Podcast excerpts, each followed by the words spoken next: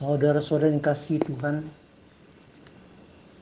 oleh karena anugerah Tuhan, kini kita tiba di bait ke-22 dari Mazmur 119 ayat 169 hingga 176. Stansa penutup ini ada dua penutup di ayat 175 merupakan penutup yang sangat indah. Bisa merangkum seluruh Mazmur 119. Tetapi ayat 176 adalah ayat terakhir. Bila kita tidak menggalinya, ayat terakhir ini tidak merupakan penutup. Besok akan kita merenungkan sama-sama melihat keajaiban dari firman Tuhan. Mazmur 119 adalah renungan agung tentang firman Allah. Stansa yang terakhir ini masih dengan semangat tinggi mengagungkan firman Allah dengan doa permohonan. Pemasmur bersedia dengan rendah hati diilhami oleh Roh Kudus untuk menulis Mazmur ini. Maka Mazmur yang sangat panjang ini ada double penutup yang sangat indah. Hari ini kita membahas penutup pertama. Besok akan kita membahas penutup yang kedua. Penutup pertama terdapat di ayat 174 dan ayat 175 yang akan saya bacakan. Aku rindu kepada keselamatan daripadamu ya Tuhan. Dan Tauratmu menjadi kesukaanku. Biarlah jiwaku hidup supaya memuji-muji engkau. Dan biarlah hukum-hukummu menolong aku. Tujuan hidup adalah memuliakan Allah. Maka di sini memohon biarlah jiwaku hidup supaya memuji-muji engkau. Ini melanjutkan berita dari ayatnya 164. Tujuh kali dalam sehari aku memuji-muji engkau. Hidup di dunia ini tidak mudah. Apalagi dalam keadaan susah. Tetapi anak-anak Tuhan bisa tampil berbeda dengan orang-orang dunia ini. Bila dipandang dari luar, kita tidak ada bedanya dengan orang-orang di dunia ini. Tetapi jiwa dan hati kita harus berbeda. Ketika jiwa dan hati semua orang terasa tegang, sengsara, dan terbelenggu. Kita dengan pertolongan Tuhan bisa ada jiwa dan hati yang tenang, hati yang senang, dan hati yang menang di dalam Tuhan.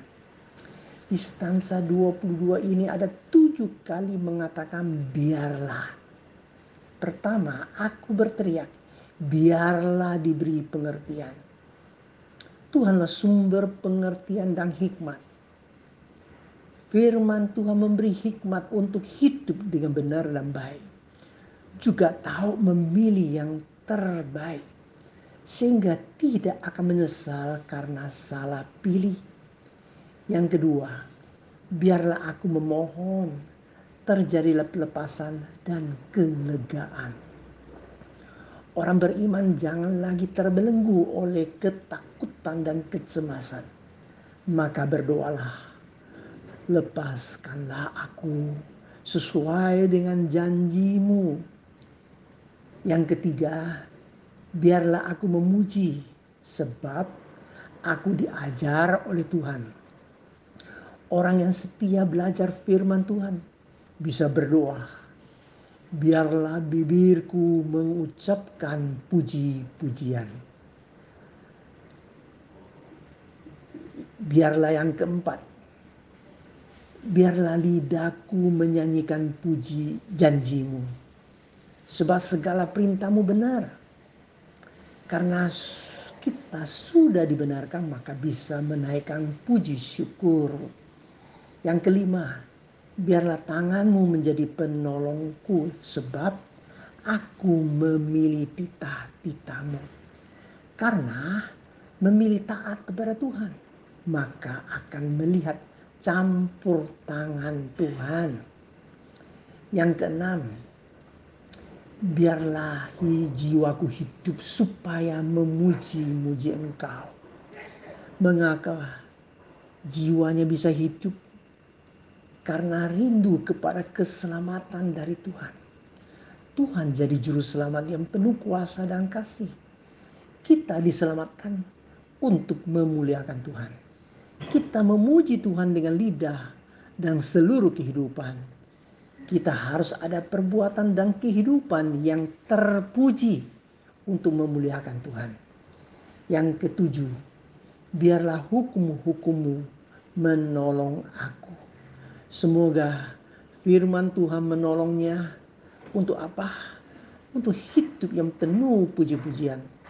Karena apa? Karena Taurat Tuhan menjadi kesukaannya.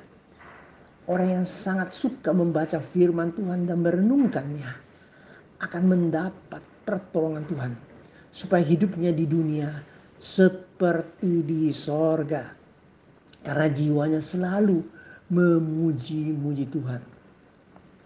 Di neraka tiada puji-pujian.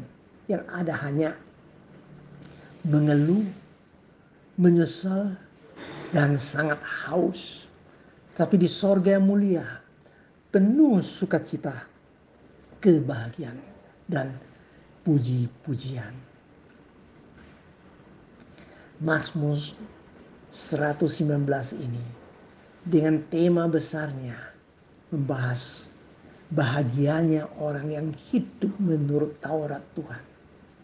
Ini tercatat di ayat 1 dan ayat kedua. Mengajak kita harus hidup kudus sesuai firman Tuhan. Tema paruh keduanya ayat 89. Untuk selama-lamanya ya Tuhan firmanmu tetap teguh di sorga. Firman Tuhan ada nilai kekal dan nilai paling luhur. Sehingga kita yang suka firman Tuhan, sekalipun masih hidup di dunia yang susah, bisa bagaikan di sorga. Ada penyertaan Tuhan dan ada puji syukur selalu untuk memuliakan Tuhan. Amin.